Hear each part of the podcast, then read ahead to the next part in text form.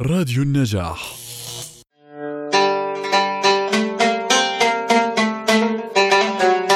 لعب المسلمون في الأندلس دورا مهما في مجال الزراعة والنباتات. فقد اهتم المسلمون بشكل عام في إصلاح وسائل الري وتنظيمها. فبنوا السدود وشقوا القنوات والأنهار وأقاموا عليها الجسور والقناطر وأنفقوا في هذه المجالات أموالا كثيرة. وكانت للري تشريعات دقيقة معقدة استفاد منها الأوروبيون فيما بعد. وقد استخدم المسلمون في الأندلس طريقة الري بالتنقيط مستعملين المواد الموجودة في تلك العصور كمادة الفخار. كما أن العرب حفروا الآبار وصنعوا السواقي وجمعوا المياه المتساقطة من الجبال في خزانات كبيرة. وهكذا عمر العرب مرتفعات وسفوح جبال ما كان أحد يظن أنه يمكن أن يستفاد منها في الزراعة.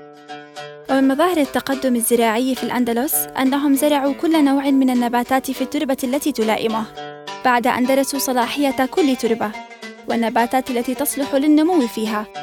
وبهذه الطريقة أمكن استغلال الأراضي الزراعية أحسن استغلال كما أنهم اعتنوا بتسميد الأرض عناية كبيرة بعد أن عرفوا السماد الصالح لكل نوع من أنواع النباتات. ومن مظاهر تقدمهم أيضا معرفتهم التلقيح النباتي. تطورت الزراعة في الأندلس بعد دخول المسلمين إليها إذ جلبوا أنواعا عديدة من أصناف النباتات ذات الزراعة الموسمية وأدخلوها إلى بلادهم كما أنهم برعوا في تنسيق الحدائق واعتنوا عناية عظيمة بالأزهار فزرعوها في مزارع واسعة لتصدير مستخلصاتها من عطور وأدهان ومياه زهر والورد بأنواعها.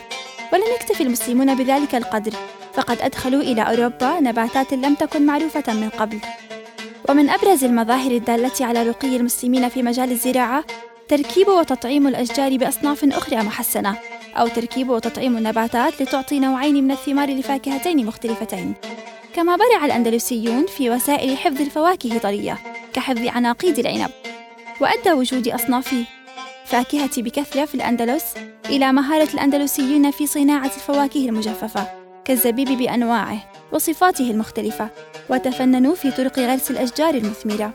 ومن الجدير بالذكر أن معظم علماء النبات والزراعة عند المسلمين قد نبغوا في الأندلس وكان لهم دور حضاري كبير في نقل الزراعة إلى أوروبا. ومن هؤلاء أبو زكريا يحيى بن أحمد الإشبيلي الذي وضع كتابه بعنوان الفلاحة.